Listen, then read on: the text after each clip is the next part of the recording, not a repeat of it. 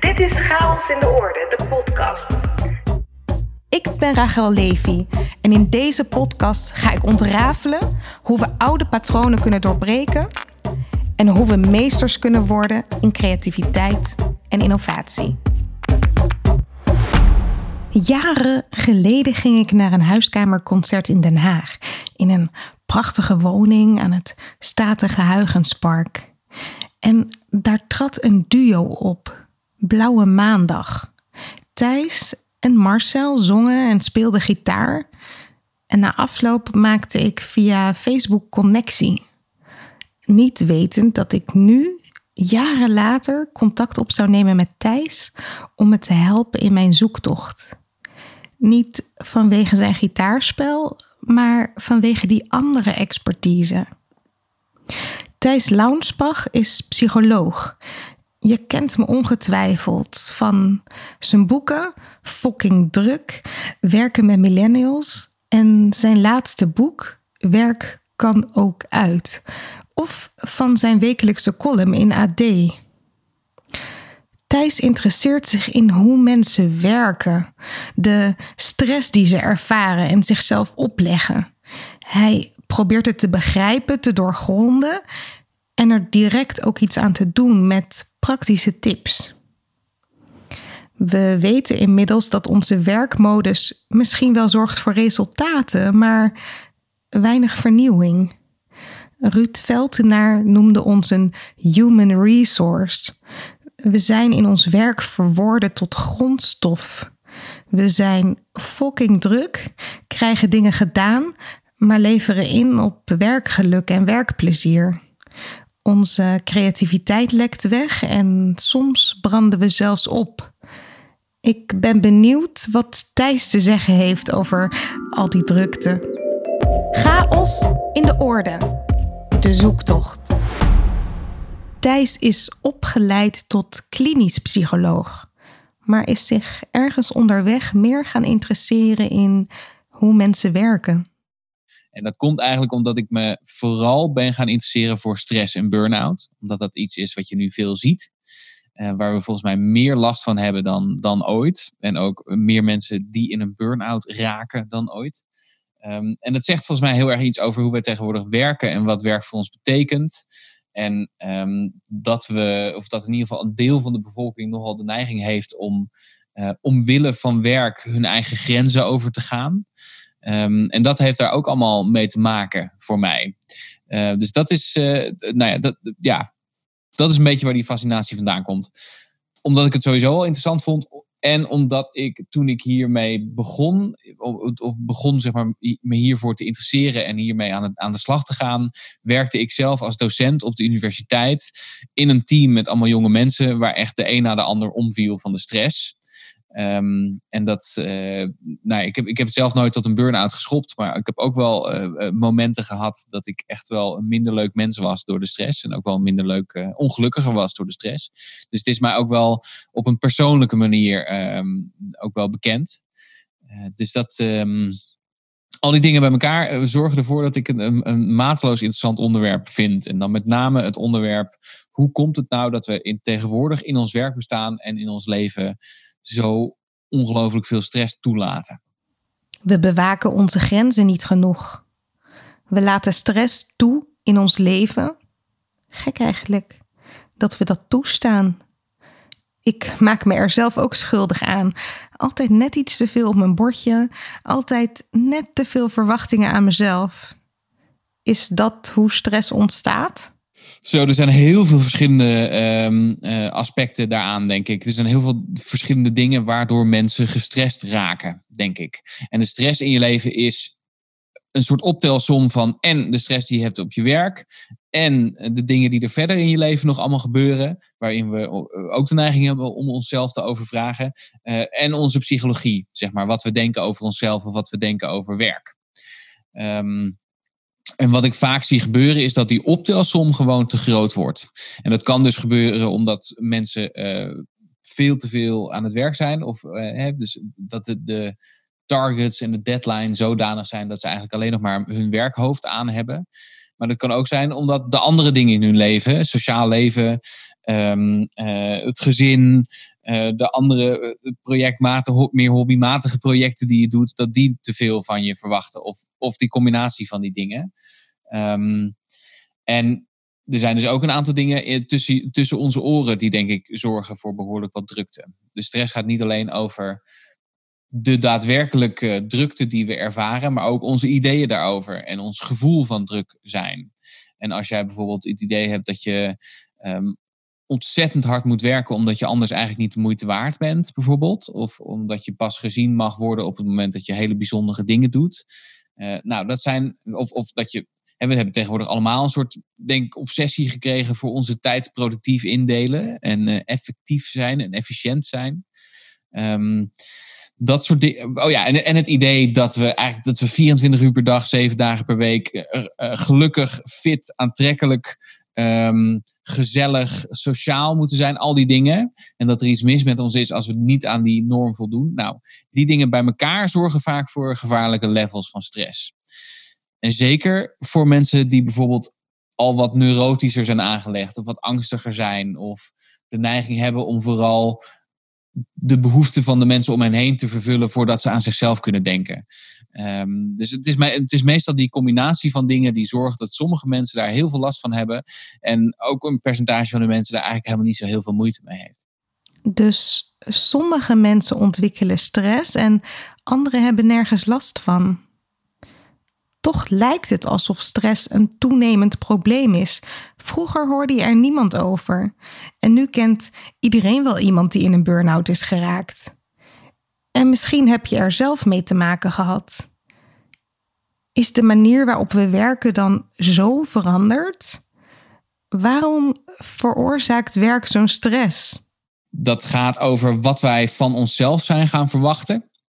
Dat, zijn, dat gaat over wat wij hoe we werk zien en wat we daaruit willen halen. We willen tegenwoordig dat ons werk niet alleen een uitruil is van onze tijd en kennis voor, voor geld, maar we willen ook graag dat we impact maken met ons werk en dat we betekenis halen uit ons werk.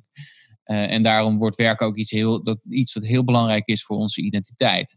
Het is, het is dat, het is allerlei technologische middelen, waardoor we eigenlijk um, s'avonds laat, uh, van s ochtends vroeg tot avonds laat achter schermen zitten. En het vaak je telefoon het eerste is dat je ochtends ziet als je wakker wordt. En het laatste wat je weer weglegt als je, als je gaat slapen.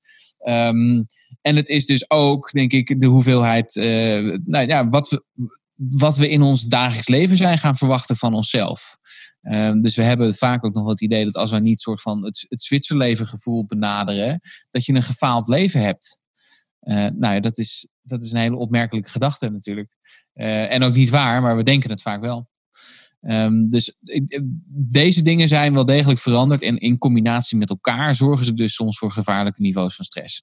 Nooit gedacht dat het Zwitserleven gevoel nastreven kan leiden tot gevaarlijke niveaus van stress. En toch is het zo logisch, want probeer het maar eens goed te doen op alle terreinen in je leven. 100% aandacht voor je werk, 100% aandacht voor je partner, 100% aandacht voor je gezin, 100% aandacht voor je gezondheid, 100% aandacht voor je woning, 100% aandacht voor je familie, 100% aandacht voor je vrienden. Ik krijg al stress als ik eraan denk. En toch is er soms dat gevoel dat iedereen het kan en ik dat dus ook moet kunnen. Veel mensen hebben dat, zegt Thijs. We stellen irreële verwachtingen aan onszelf. En het is juist die focus op alles goed doen, op productief zijn, die een enorme creativiteitskiller is. Een van de dingen die je nodig hebt om creatief te zijn, maar ook een van de dingen die je nodig hebt om gezond te zijn, denk ik, is dat je af en toe je hoofd leeg kunt maken.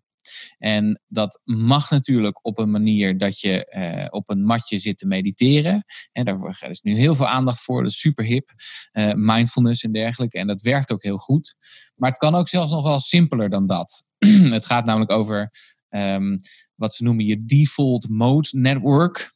En dat is het deel van je brein dat aangaat op het moment dat je niet met je gehele aandacht ergens mee bezig bent. Ehm, en dat is eigenlijk het deel van je hoofd dat je ook nodig hebt, of deel, ja, deel van je, van je systeem, deel van je hersenen dat je nodig hebt om dingen te verwerken. Na te denken over dingen waar nagedacht over moet worden. Problemen op te lossen. Ehm, na te denken over eh, eh, dingen die toevallig omhoog poppen. En dat ze vaak hebben mensen nog wel de ervaring dat ze dan heel erg bezig zijn met: oh, ik moet een, moet een oplossing bedenken voor een bepaald probleem. Ze zitten achter een computer en dan komt het maar niet, komt het maar niet. Gaan ze een half uurtje lopen en dan opeens, bam, dan is het idee dat ze, dat ze nodig hadden. Dat komt dus omdat je dan even je hoofd op een andere manier gebruikt. En die default mode network gaat dan aan. Nou, de meeste mensen hebben dat bijvoorbeeld als ze onder de douche staan. Dan heb ik hem zelf vaak wel. Ik had vanochtend ook weer die ervaring dat ik uh, zo heel erg in mijn maag zat met: oh, ik moet een belangrijk praatje houden. En dat ik onder de douche stond vanochtend en dacht, oh, uh, dit en dit en dit en dit en dit. Punt. Nou, dan was het een kwestie van daarna gewoon even vijf minuten alles op een rijtje zetten. En dan heb je je voorbereiding gedaan. Um, of als je de was aan het opvouwen bent. Dat is ook zo'n typisch, uh, typisch ding. Of als je buiten een wandeling aan het maken bent. Nou, allemaal momenten waarop je dus als je in de auto zit, als je in, achter het stuur zit en je, bent, je, hoeft, je hoeft niet echt na te denken over, waar, over de weg, zodat je die ruimte ook anders kan gebruiken typisch van die voorbeelden van, van activiteiten die je dan doet, waarbij je niet 100% van je aandacht nodig hebt, maar maar een deel, waardoor dat default mode network wordt aangezet. En waarop je op de achtergrond ben je bezig met allerlei dingen verwerken en allerlei nieuwe ideeën krijgen. Uh, en die heb je wel degelijk nodig om. Um, om creatief te kunnen zijn. En dat pleit er dus ook voor om niet, misschien niet al die momenten uh, met podcasts op te vullen. Um, en niet van jezelf te verwachten dat je altijd super productief bent. Want je hebt dus ook die, die momenten nodig dat je juist bezig bent met nieuwe ideeën bedenken. Activiteiten die belangrijk zijn voor je creativiteit, zijn dus ook belangrijk voor je gezondheid. Zo had ik er nog niet naar gekeken. Ik weet wel dat ik ruimte in mijn hoofd nodig heb om creatief te zijn. En dus kennelijk ook om gezond te blijven. Maar mediteren op een matje is niet echt mijn ding. Is er een andere manier om in een vol en druk leven toch stress te verminderen? Ik weet niet per se of minder stress per se het doel is. Want het is ook nog eens zo dat stress soms best wel goed voor je kan zijn. En je hebt verschillende soorten stress ook nog. Uh, dus je hebt wat ze noemen incidentele stress. Wat het type stress is dat als je net met een interview begint, dat je net wat scherper bent omdat je wat zenuwen ergens voelt. Of als je die presentatie moet geven, dat je dat in staat stelt dat je net de beste prestatie uit jezelf kunt halen. Uh, ook dat is een vorm van stress, een vorm van extra activatie. En in principe is daar niet zo heel veel mis mee. Um, het is zelfs zo dat je dat volgens mij moet je juist af en toe behoorlijk trainen zodat je dat ook aan kan zetten voor jezelf. En eh, dat je, eh, dat je gewoon uitgedaagd wordt en dat je op die manier nieuwe dingen leert. Um, dus er is niet zo heel veel mis met een actief en dynamisch leven dat snel gaat en waar af en toe sprake is voor wat stress voor een, voor een extra prestatie. Als je dat maar niet overdrijft, als je niet van jezelf verwacht dat je elke dag een marathon kunt lopen, zeg maar. Maar dat is iets anders dan die chronische stress waar je ook wel eens over hoort. Nou, dat, is, dat is eigenlijk de stress die niet meer weggaat. Uh, die bijvoorbeeld wordt uh, gevormd door dat je niet lekker voelt op je werk. Of dat je geen support hebt van je baas. Of dat je buiten je werk nog heel erg in je hoofd zit met geld zorgen of zorgen om je gezondheid of uh, zorgen om je toekomst. Al dat soort dingen. gedoe in je relatie. Weet je, dat zijn allemaal van die bronnen van chronische stress. We weten dat die wel heel erg slecht is. Want stress die niet meer weggaat, zorgt voor gezondheidsklachten. Um, dus mijn doel zou niet zozeer zijn het helemaal uitbannen van stress. Maar wel degelijk om die stresspier van jezelf wat te kunnen trainen. Maar de enige manier waarop je dat kunt doen, is dat je dus naast dat je van jezelf behoorlijke prestaties verlangt, dus ook dat genoeg compenseert met rust en uh, met inderdaad die mindspace, die headspace waar jij het over hebt. Met de ruimte in je hoofd om je ook uh, bezig te kunnen houden met anderen. En dat betekent dus ook bijvoorbeeld dat je, dat je je werk zo organiseert dat je niet alleen maar bezig bent in je hoofd met wat is mijn volgende afspraak? Wat, hoe zat het ook weer met dat gesprek met die? Um, maar dat je bijvoorbeeld je hoofd echt kunt gebruiken voor waar het echt voor nodig is. Namelijk op dit moment hier bezig zijn met het, bedenken van oplossingen voor problemen. Ehm, dus dat moet wat mij betreft het doel zijn. Niet zozeer alleen maar minder stress hebben, maar wel op een strategische manier dat doen. En wat we al die dat, dat, dat uitdagende leven dat we ons, van onszelf verwachten, dus compenseren met genoeg rust, maar ook genoeg kunnen spelen. Want daar, daar gaat natuurlijk deze podcast ook voor een deel over. Um, als je in de spelmodus zit, in de, in de creatieve modus, zit je net in een wat andere modus dan in de typische werkmodus, denk ik. Um, ook dat heeft een, heeft, een, uh, heeft een plaats. En dus ook momenten dat je juist zo min mogelijk prikkels hebt. Ah, er zijn dus verschillende soorten stress. En we willen vooral de stress vermijden die ons ziek maakt. Gelukkig, een uitdagend en dynamisch leven mag best. En een deadline ook. Maar dan wel compenseren spelen, rust, even geen prikkels. Hoe doet Thijs dat zelf? Um, ik heb nu toevallig, uh, ben ik zoals bijna iedereen thuis aan het werken. Nou, ik merk dat, uh, dat in, mijn, uh, in mijn kantoor ligt mijn gitaar bijvoorbeeld. Die pak ik af en toe eventjes en dan, uh, dan zorg ik dat ik eventjes een paar minuten aan het spelen ben. Dat gaat bijna gedachteloos. Hè. Dat is toevallig ook hoe wij elkaar jaren geleden ooit een keer ontmoet hebben. Uh, dus ik was muziek aan het maken. Nou, dat was daarna een beetje vers versloft.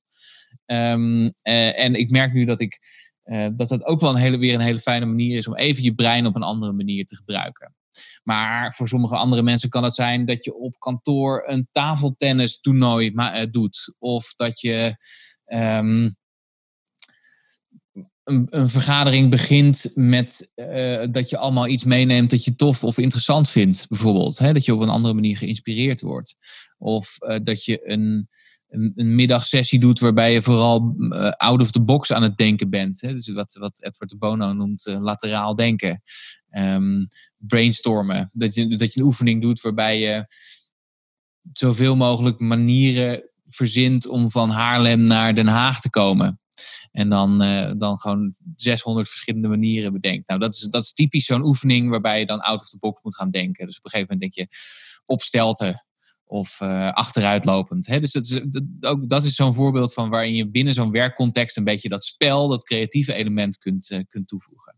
En gewoon zorgen dat je ook niet alleen een, een officiële, formele werkband met mensen hebt, maar dat je ook af en toe uh, inmiddels dan dus een digitaal, maar een, diertje, een, een biertje kan gaan drinken of iets anders kan gaan doen met elkaar. Omdat je dan ook weer daar ook even als groep met elkaar, dus uit die werkmodus komt. Um, en die werk, dat is denk ik ook heel belangrijk om juist die, uh, even dat, die, die productiviteitsmodus zeg maar, uit te zetten en in de creatieve modus terecht uh, te gaan. Daarom werken van die high-sessies ook goed. Uh, waarin je even juist je mail uitzet en even de, de productiviteitseisen achter je laat, zeg maar, in je to-do-lijst even vergeten. En gewoon echt nu bezig kunt, eh, kunt zijn op een andere manier met werken. Uh, en als je dat als groep doet, dan kun je elkaar ook weer aansteken en kun je elkaar ook weer inspireren om, uh, om net op een andere manier te denken. 600 manieren bedenken om van Haarlem naar Den Haag te komen. Of een biertje drinken met elkaar. Even die productiviteitseisen achter je laten. Even niet werken is kennelijk ook een invulling van werk. En werkt misschien wel beter. Maar die oude overtuigingen over werk doorbreken blijft een uitdaging. Hoe kom je daaruit als je de hele dag serieus met elkaar zit te vergaderen? Ik heb ooit een, cursus NLP gedaan, dus neurolinguistisch programmeren. En daar gaat het ook heel erg over gedachtepatronen en die blootleggen en net een beetje anders doen. En die, daar hadden ze het op een gegeven moment over een pattern interrupt, is het daar. Dus als iemand heel boos wordt of heel erg binnen, oh, ik kan dit niet of ik weet het allemaal niet, in die modus terechtkomt, dat je bijvoorbeeld door iets heel randoms uh, erin te gooien, bijvoorbeeld denk nu eens aan een kip, bijvoorbeeld, het geluid dat een kip maakt zoiets raars. Onderbreek je even dat patroon en zorg je dat je net weer op een andere manier kunt gaan nadenken. Random tijdens een vergadering roepen: Denk aan een kip. I love it. Het zal de boel zeker opschudden. Maar dan, hoe maak je van een korte disruptie een duurzame verandering? We identificeren ons zo met werk, we maken het zo belangrijk zijn we wel bereid om het oude op te geven?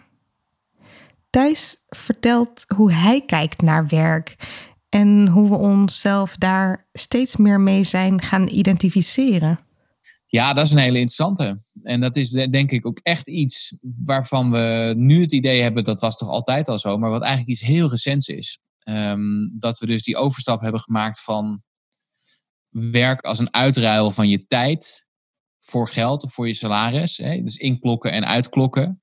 Um, en je leven dat er eigenlijk daarbuiten zich plaatsvindt. Um, hè, dus de werken om te leven in plaats van andersom. Dat we dat eigenlijk en masse zijn gaan um, verschuiven naar, naar ook wel dat, dat werk eigenlijk een van de belangrijkste dingen in ons leven is. En dat dat hetgene is waarmee je je stempel op de wereld drukt en wat, waarmee je impact moet hebben. En dat het, soms, ik, er zit iets heel moois aan dat idee.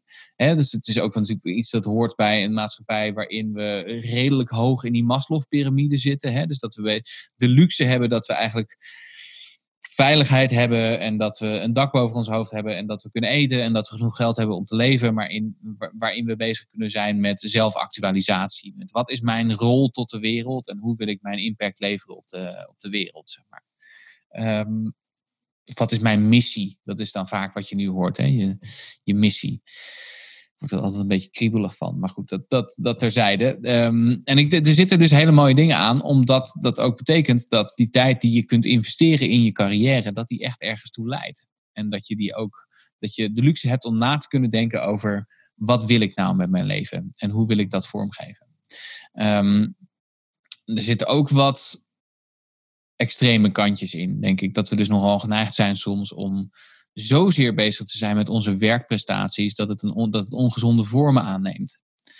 Um, en dat het soms ook wel relativerend is om te denken: ja, natuurlijk is het belangrijk voor me, maar het is ook maar werk. Of zo. Het is niet mijn hele leven. Um, en dat ik soms denk: ja, als je dan het type baan hebt dat je zo interessant vindt en dat zoveel van je vraagt, dat je ook nog een heel deel van je avond bezig bent met achter je telefoon zitten en appjes en mailtjes beantwoorden, mis je dan niet te veel van je daadwerkelijke leven om je heen? Is dat niet ook zonde? Want het komt met, het, het, het, het komt met een prijs, zeg maar. Namelijk dat je minder aan, aandacht hebt voor de andere dingen ik vind wel dat iedereen natuurlijk de, de, de vraag over welke rol neemt werk in mijn leven in en hoeveel wil ik met werk bezig zijn, moet hij lekker zelf bedenken. Um, maar ik denk dat het ook wel goed is om je soms te realiseren dat er iets anders ook nog is dan werk. Um, dus dat. En dat het soms misschien ook wel, sorry hoor, dan, dan, om even gedachten af te maken, dat het soms ook prima is om in je periodes leven te hebben, eh, momenten te hebben dat je juist even niet bezig bent met je missie of je, um, je why. Of dat de dingen niet in lijn zijn met het ontdekken van je missie op aarde, maar dat je gewoon aan het werk bent en dat het ook prima is voor een periode van tijd. Welke rol neemt werk in jouw leven? Hoe belangrijk maak jij het? Dat gevoel dat je moet doen waar je voor geboren bent, dat is echt iets van de laatste jaren. Er was geen, uh, geen Victoriaan uh, die dacht: um, Oh, voelt dit nog wel goed vandaag met mijn werk? Dus het is echt iets heel nieuws, denk ik. Werk was generaties lang iets wat je nu eenmaal deed voor brood op de plank. En of je het leuk vond of niet, dat, dat deed er helemaal niet toe. Laatst sprak ik mijn moeder en die zei: Ik geniet enorm van je podcast. Maar die hele behoefte aan verandering en vernieuwing, die, die begrijp ik eigenlijk niet. Ik ging gewoon naar mijn werk, ik klokte in, ik wist hoe laat ik klaar was. En dat was het. En misschien zijn er nu nog steeds heel veel mensen die zo naar hun werk kijken. Maar ik zie en ervaar wel een toegenomen druk. De druk om te ontwikkelen, te groeien, om je potentieel te verwezenlijken, om targets te halen, om jezelf te bewijzen. Ergens tussen de Victoriaanse tijd en nu heeft er toch een cultuuromslag plaatsgevonden als het gaat om werk. En het is lastig om daarin tegen de stroom in te bewegen en, en het weer anders te doen. Eigenlijk moet je altijd, waar je onderdeel bent van een groep, conformeren aan de groepsregels.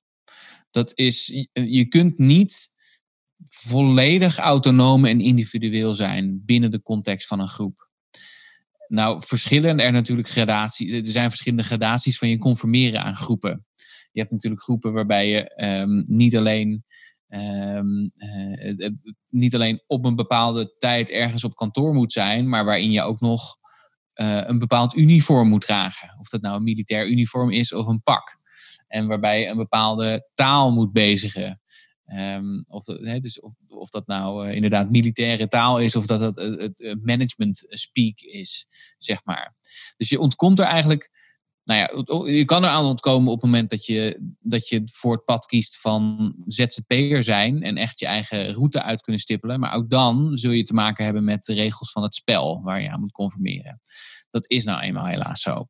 Ik denk wel dat het een goede vraag is om, om bij jezelf te stellen van in hoeverre moet ik me, wil ik me eigenlijk conformeren? En dat is ook een goede vraag om, om je carrière op te bouwen.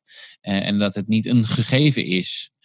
Um, dat je altijd maar moet conformeren. En dat je ook toch bij jezelf blijft nadenken. Je hebt, je hebt, die, je hebt die mooie parabel hè, van, ik, ik weet niet of het echt is gebeurd, maar het, is, het blijft een mooi verhaal van de, van de um, vijf natte apen. Heb je die wel eens gehoord? Het idee van de vijf natte apen is dat het een experiment was in de jaren zeventig. Waarbij ze een, een, groep apen in een kooi stopten. Vijf apen.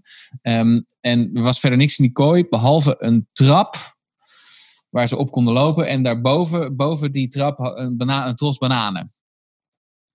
En nou ja, apen houden van bananen. Dus het, eerste wat er natuurlijk gebeurt is dat een van die apen probeert die ladder op te lopen en die bananen te pakken. Op dat moment wordt hij met een enorm waterkanon vanaf de buitenkant nat gespoten.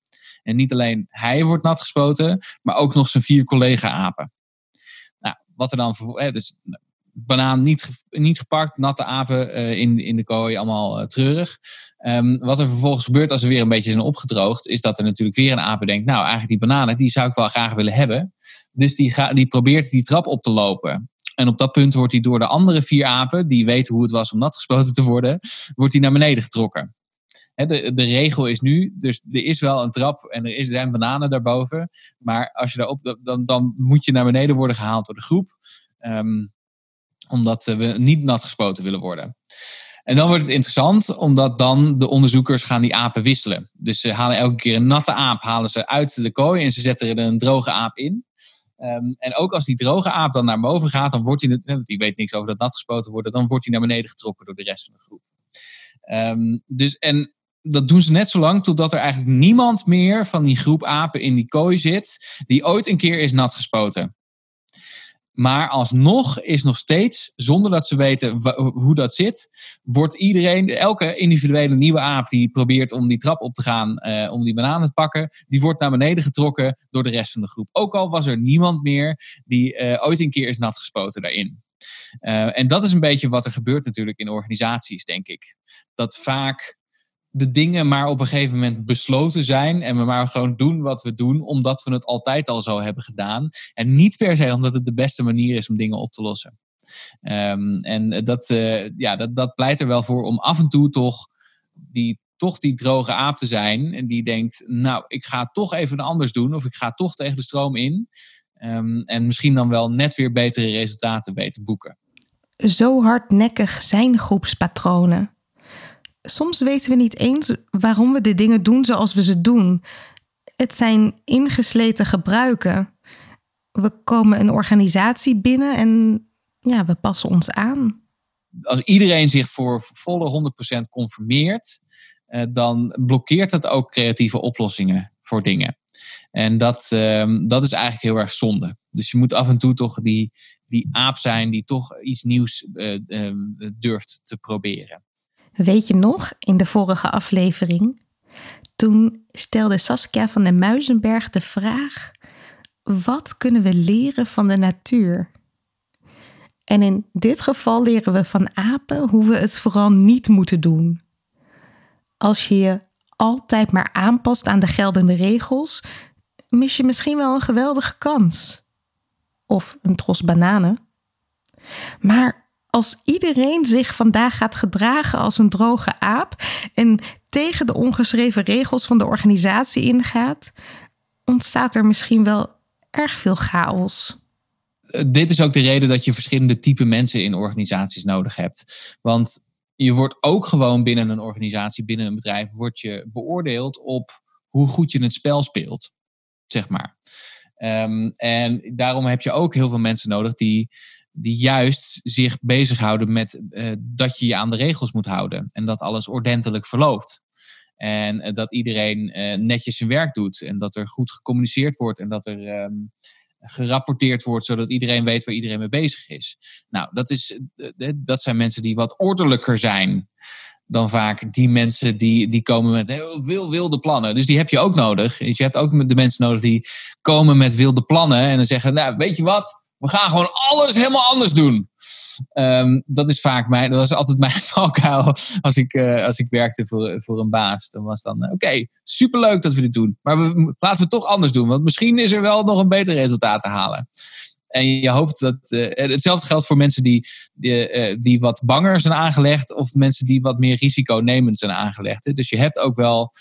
Je, hebt, je hebt de mensen nodig die zeggen. Fuck it, we gaan gewoon volledig risico nemen. We zien het wel. En je hebt dan ook de mensen aan tafel nodig die zeggen: Ja, maar ho, dit kan misgaan en dit kan misgaan. en hier ligt een mogelijk risico.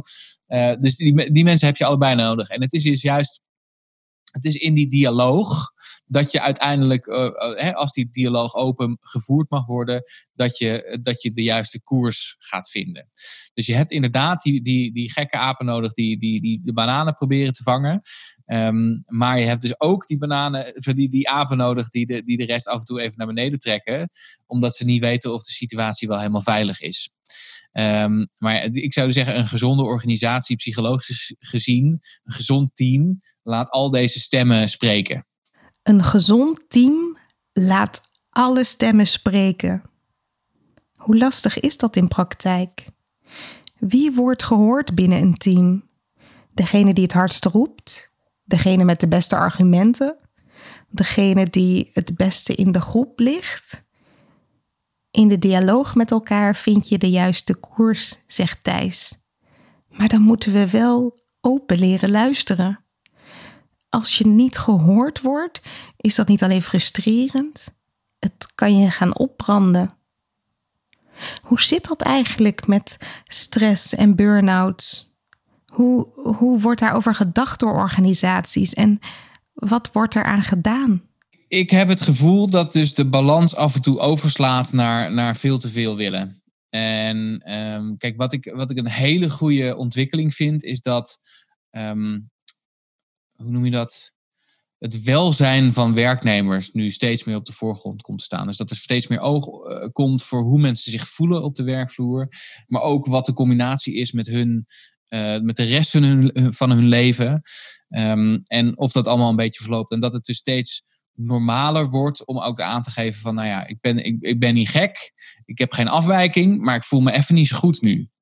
Um, en dat daar aandacht voor is en dat er coaching voor is en dat, dat, dat daar een mogelijkheid voor is. En dat zelfs iets als bijvoorbeeld een mental health day, uh, hè, dus een, een, dag die je neemt om je orde op zaken te stellen op het moment dat je eigenlijk te gestrest bent of tot rust te komen. Um, om te zorgen dat je niet verder afglijdt op die schaal richting een burn-out, zeg maar.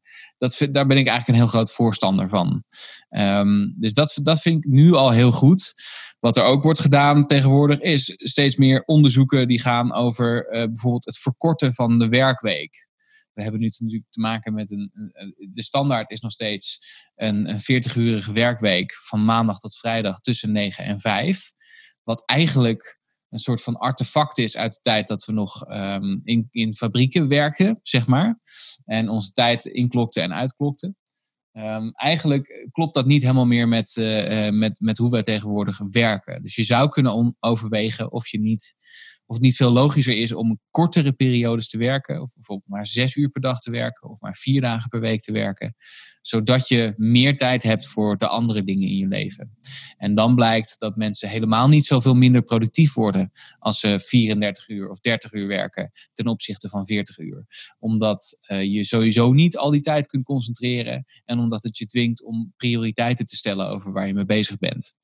Dus dat vind ik uh, daar zou wel meer van mogen. En de, dus hè, een ideale werkplek is, is een werkplek waarin vroeg ingegrepen wordt op het moment dat het misgaat, waar ruimte is voor uh, emoties en voor ehm, eh, momenten dat het minder goed met je gaat en waar je ook coaching daarop kunt krijgen, waarin je bezig bent met, met pieken, maar ook dat compenseert door rust te hebben, waarin je misschien waarin gezond, gezond voedsel aanwezig is, waarin je misschien af en toe een dutje kunt doen, ook super belangrijk.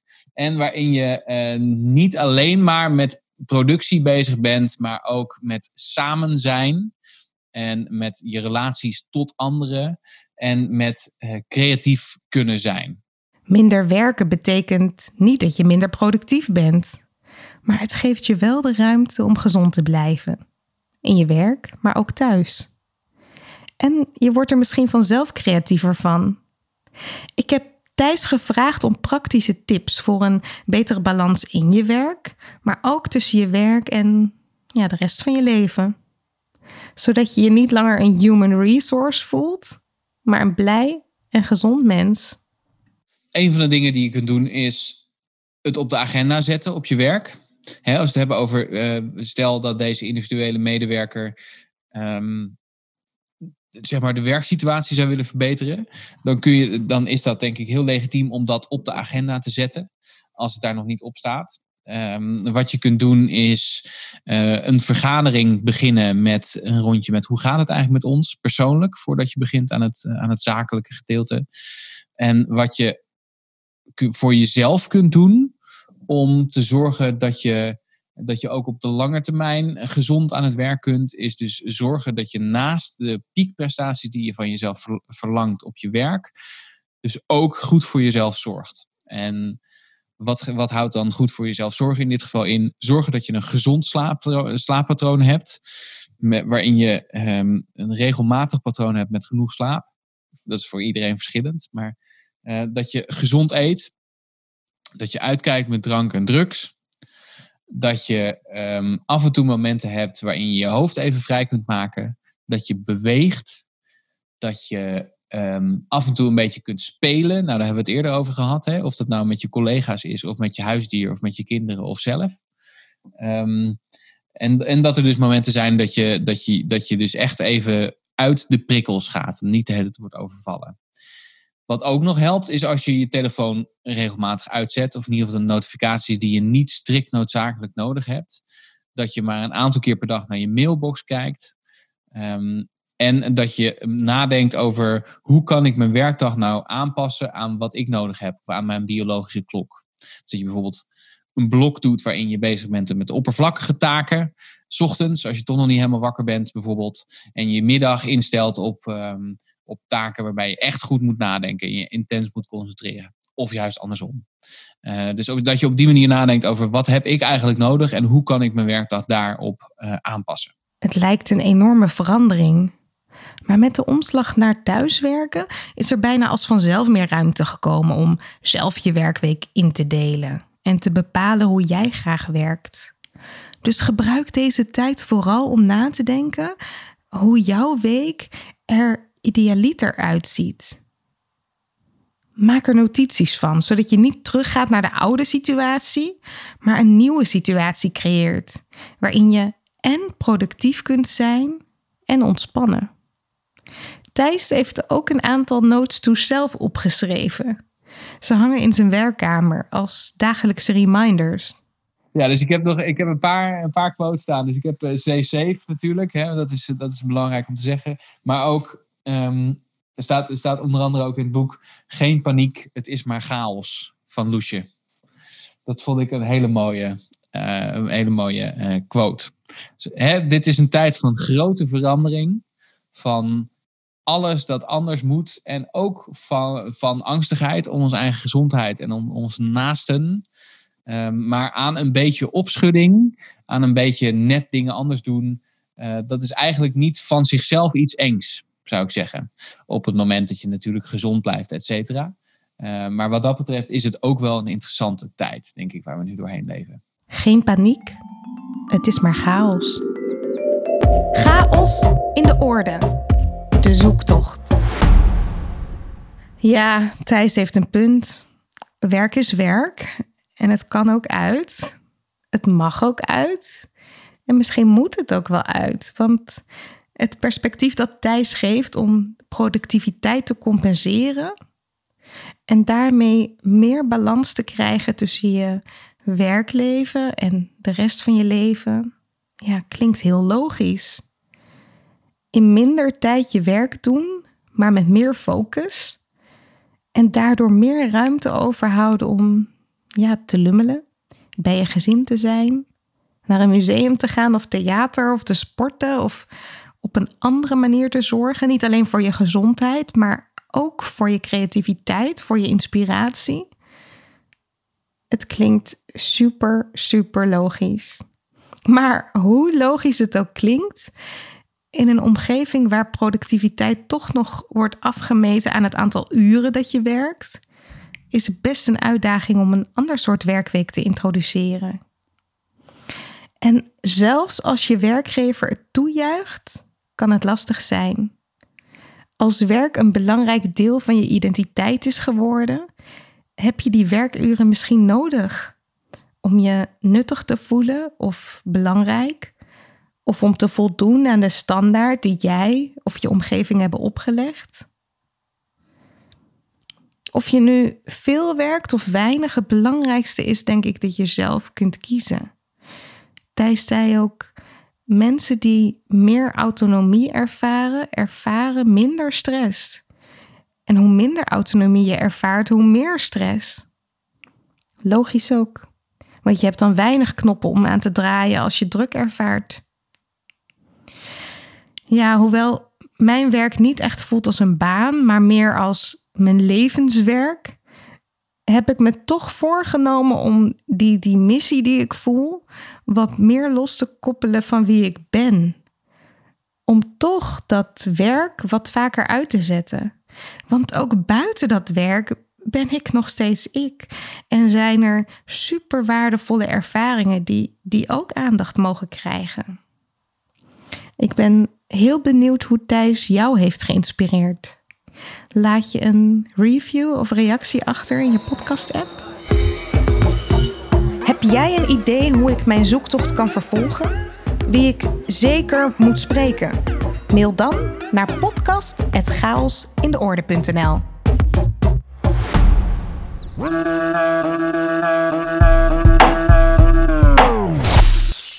Het struikelblok.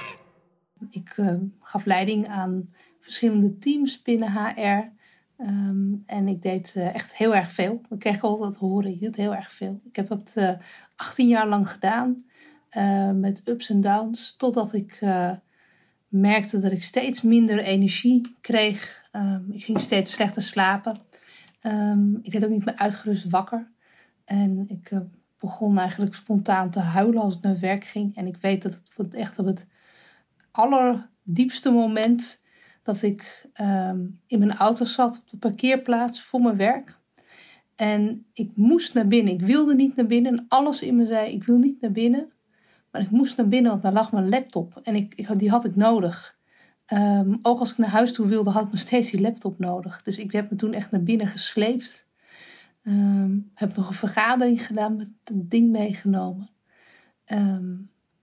En toen ik terugreed naar huis, toen uh, heb ik mijn man gebeld en gezegd: Ik wil niet meer terug. Ik wil echt niet meer terug naar mijn werk. Um, en ik had me ook eigenlijk ook meteen ziek gemeld. En er was heel weinig begrip op dat moment. Maar ik had echt aan alles zei tegen me: Ik wil niet meer. Um, en ik heb nog nooit gehad dat ik echt zo'n weerstand had. Um, wel dat ik mijn werk niet zo leuk vond, maar echt de weerstand en ook zo moe. Ik kon letterlijk niet meer opstaan van de bank om, uh, om iets te gaan doen. Ik, uh, ik denk dat ik ben gaan liggen en ik denk dat ik bijna drie maanden daar heb gelegen. Um, met alle toestanden erbij, met huis, of, bedrijfsartsen en huisartsen. En uh, je werk die je wil spreken. En ik vond het heftig. En als ik erop terugkijk, is het toch de beste leerzaamste periode geweest van mijn leven. Um, ik heb echt geleerd om, om hulp te vragen. Um, heb heel veel support gekregen van mijn gezin, van familie en vrienden. Um, en langzaam ben ik zeg maar een beetje gaan bedenken van waarom doe ik wat ik doe? Ehm, waarom, vind ik het, eh, waarom vind ik het zo belangrijk om dit allemaal te doen? Uh, ik heb er ook hulp bij gezocht. Ik heb een coach heb ik, uh, uitgezocht. En het eerste wat hij mij liet doen is een lijst laten maken van dingen die ik leuk vond. Wat vind ik leuk om te doen? En dingen die ik alleen maar mocht doen voor mijn plezier. En uh, toen heb ik me echt mezelf echt. Ik moest 52 dingen opschrijven, weet ik nog. En dat was, ik weet nog dat ik heel veel vond. Um, maar ik wist wel hoe meer ik het deed, hoe meer ik op ging schrijven, hoe meer er kwam. En hoe meer ik over na kon gaan denken over wat vond ik nou eigenlijk leuk. Um, en dat heeft me wel geholpen om op het juiste pad te komen, waardoor ik mijn eigen bedrijf ben begonnen. En bij uh, Rachel, die ik uh, kende via een vriendin, uh, cursus ben gaan volgen. En vervolgens zei, ik wil met jou samenwerken. En daar is heel veel uitgekomen. En nu doe ik werk wat ik eigenlijk ontzettend leuk vind. En ik weet nog dat ik op een gegeven moment tegen mijn HR-assistent vind... 80% van wat ik doe, vind ik niet leuk. En het grappige is dat ik misschien nu wel niet eens nog maar 10% van hetgeen doe wat ik toen deed. Maar dat dat inderdaad precies is wat ik leuk vind. Dat ik faciliteer, dat ik elke dag creatief bezig mag zijn. Dat ik bij verschillende bedrijven binnenkom en dan uh, weer weg kan gaan als ik het wil. Uh, maar het gedeelte van de burn-out heeft me echt geleerd om mijn grenzen te bewaken. Om te kijken, uh, wat vind ik goed, waar ben ik goed in? En ook heel duidelijk zeggen, hier ben ik niet goed in en dat naar anderen uit te spreken. als ik tips zou moeten geven van wat, wat doe je, kun je wel en niet, moet je wel en niet doen, zou ik vooral zeggen, neem de tijd uh, neem de tijd om gewoon te herstellen. Uh, maar wees ook niet bang om weer aan het werk te gaan. Want juist een stukje ook wel erbij werken um, helpt ook weer heel erg om je gedachten op gang te brengen. Van wat vond ik nou eigenlijk leuk, wat vind ik niet leuk. Uh, nee, dat focus dus ook van wat vind ik leuk? Waar krijg ik energie van? Waar heb ik plezier in? Maak een lijst. Maak die schrijf die 52 dingen op. Um, en voor mij ook wel zoek hulp en zoek een coach. Praat erover. Um, met iedereen waarvan jij het oké vindt om ermee over te praten. Dat helpt ook om te praten met mensen waar je het eigenlijk niet oké mee vindt, maar voor, waarmee het moet. Bijvoorbeeld soms je leidinggevende bijvoorbeeld, of de bedrijfsarts. Um, en wat ik wel soms merk is dat mensen snel zeggen van... oh, dat moet je niet vertellen, dat je een burn-out hebt gehad. Want uh, er zit heel erg uh, vooroordelen, stigma op. En mensen doen daar rare dingen over denken. Uh, en ik zou zeggen, wees open. Tot nu toe heb ik eigenlijk heel veel mensen verteld dat ik een burn-out heb gehad. En daar alleen maar mooie ervaring en um, uh, bewondering voor terug gehad. En respect en eigenlijk heel veel, uh, heel veel warmte. juist door er open over te zijn. Het is geen kort traject. Ik denk dat ik wel twee jaar bezig ben geweest om uiteindelijk te komen waar ik nu ben. En als ik soms terugkijk, denk ik, misschien ben ik nog steeds niet helemaal 100% waar ik ooit was qua energie. Maar ik heb geleerd dat dat niet erg is. Ik heb geleerd dat je moet omgaan met de energie die je hebt. En die moet inzetten en moet zorgen dat je voldoende overhoudt om ook weer energie op te doen. En dat maakt het leven een stuk leuker. Dit struikelblok kan eigenlijk nergens anders over gaan dan over stress en burn-out. Want het zal je maar overkomen dat je echt leegloopt op je werk. Jessamijn Alberts is een van de tekenaars bij Huis van Verbeelding. Ze was daarvoor HR-manager en ook al wist ze alles van goede arbeidsomstandigheden, van vitaliteit in je werk, van gezonde medewerkers, toch liep ze zelf leeg op haar werk. Haar burn-out duurde twee jaar. Het was een donkere periode, maar achteraf een geschenk. En dit hoor je vaak over burn-out, gek genoeg. Jessamijn is bereid haar ervaring en persoonlijke tips met je te delen. Mocht je zelf herstellen van een burn-out, geeft het je hopelijk troost en perspectief. Wil jij ook een frisse blik op jouw struikelblok? Spreek je uitdaging in en stuur je bericht op naar podcast.chaosindeorde.nl. Wie weet behandel ik dan binnenkort jouw uitdaging of dilemma in deze show.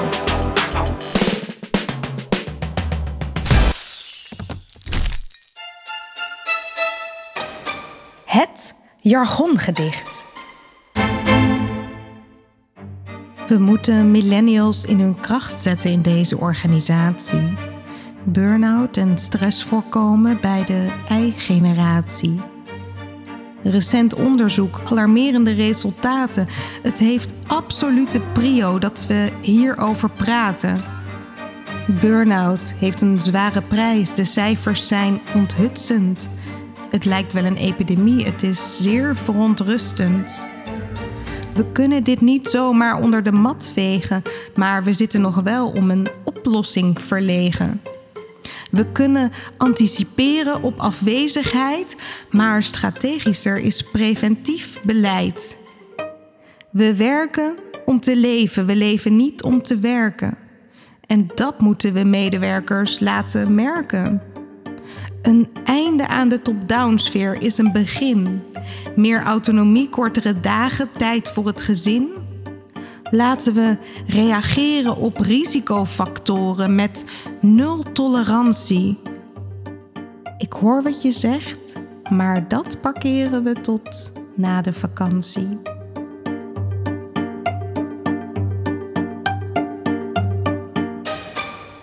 Jouw jargongedicht in deze podcast?